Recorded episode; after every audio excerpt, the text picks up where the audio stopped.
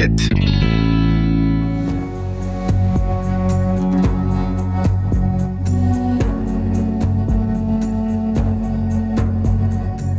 Kur'an-ı Kerim Estaizu billah Zalikel kitabu la rayba fih huden lil muttakin Bu kendisinde şüphe olmayan kitaptır. Allah'a karşı gelmekten sakınanlar için yol göstericidir. Bakara suresi 2. ayet-i kerime.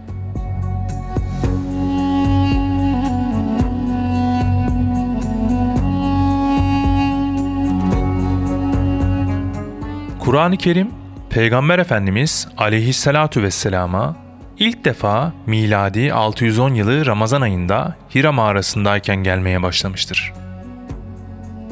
İlk gelen ayetler Alak suresinin ilk 5 ayetidir.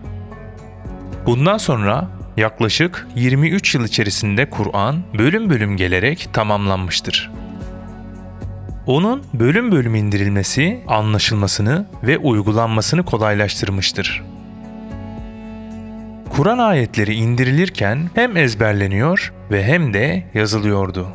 Sahabe inen ayetleri öğrenmek ve ezberlemek için büyük gayret gösteriyordu. Ayrıca namazda da Kur'an'dan belli bölümler okunması gerekiyordu. Peygamber Efendimiz aleyhissalatu vesselam inen her ayeti vahiy katipleri olarak bilinen kişilere yazdırmış ve kontrol etmiştir. Kur'an ayetleri başta kağıtlar olmak üzere deri, beyaz yassı taş gibi çeşitli yazı malzemelerine yazılmıştır.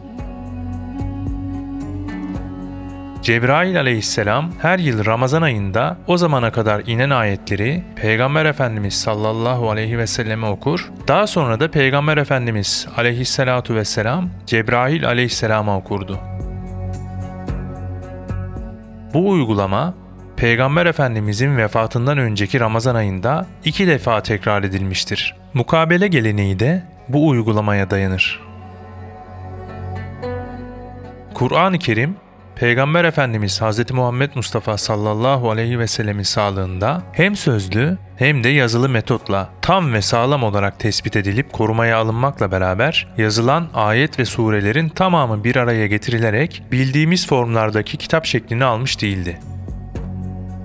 Peygamber Efendimiz sallallahu aleyhi ve sellem hayatta olduğu sürece vahiy devam ettiği ve vahyin tamamlanmasıyla onun vefatı arasında geçen zaman çok kısa olduğu için böyle bir girişimde bulunulmamış ve esasen buna ihtiyaç da duyulmamıştır. Peygamber Efendimiz aleyhissalatu vesselamın vefatından sonra halifeliğe Hz. Ebu Bekir radıyallahu anh seçildi. Bu sırada bazı yalancı peygamberler türemiş, Müslümanlar arasında fitne ve irtidat yani dinden dönme hareketleri ortaya çıkmıştı. Müslümanların halifesi Hz. Ebu Bekir bu tür fitnelerin önüne geçmek üzere bunların üzerine asker gönderdi. Yalancı peygamber Müseylime ve ordusuyla yapılan savaşta şehit olan Müslümanlar arasında çok sayıda Kur'an hafızı da bulunuyordu. İşte bu durum Hz. Ömer radıyallahu anh'ı telaşlandırdı ve başka savaşlarda da aynı sonucun doğabileceğini, hafızların azalmasıyla da Kur'an-ı Kerim'e zarar gelebileceğini düşünerek halifeye başvurup Kur'an'ın bir cilt halinde bir araya getirilmesini önerdi. Halife Hazreti Ebu Bekir, Peygamber Efendimizin başkatibi durumunda olan Zeyd bin Sabit radıyallahu anh başkanlığında bir komisyon kurarak Kur'an'ı bir kitap halinde toplamalarını emretti.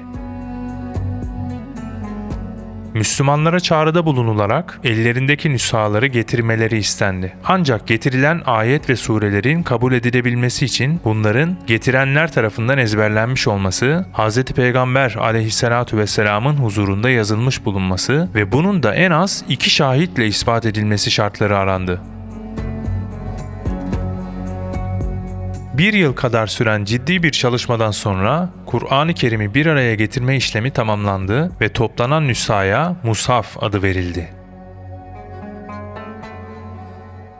Asabının onayının dağılınmasından sonra bu mushaf halife Hz. Ebu Bekir'e teslim edilmiştir. Sonra da Müslümanların elinde bulunan kağıt, ağaç yaprağı, ağaç kabuğu gibi malzemelere yazılmış olan muhtelif sure ve ayetler toplanarak ileride bir karışıklığa yol açmasın diye yakılmıştır.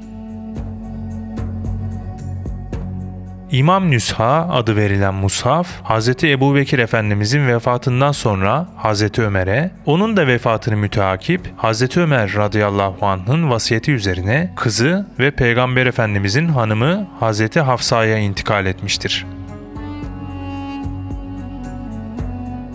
Hz. Ömer ve Hz. Osman devirlerindeki fetihler sırasında İslamiyet yeni yeni beldelere yayılıyor ve değişik kültürlere mensup kitleler Müslümanlığı kabul ediyorlardı. Müslümanların çoğalmasıyla Kur'an-ı Kerim kıraatında görülen bazı farklılıklar ihtilaf ve şikayet konusu olmaya başlamıştı. Ordusunda da bu tür olaylara tanık olan kumandan Huzeyfe bin el-Yeman radıyallahu anh, Halife Hazreti Osman radıyallahu anh'a gelerek bu konudaki ihtilaf ve şikayetlerin önlenmesi için tedbir almasını istedi.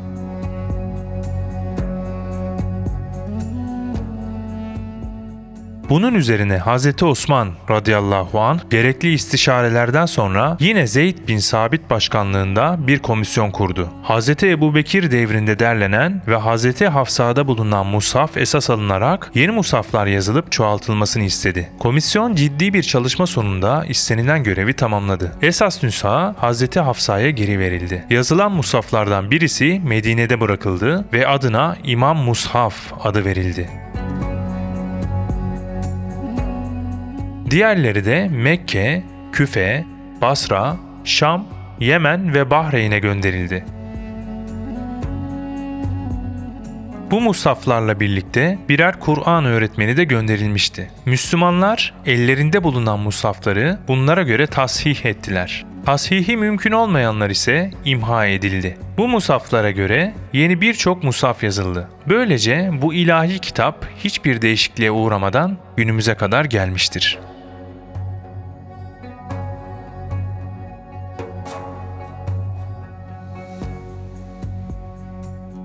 Kur'an-ı Kerim, Yüce Yaratıcı'nın kıyamete kadar gelecek bütün insanlara indirdiği son ilahi mesajıdır.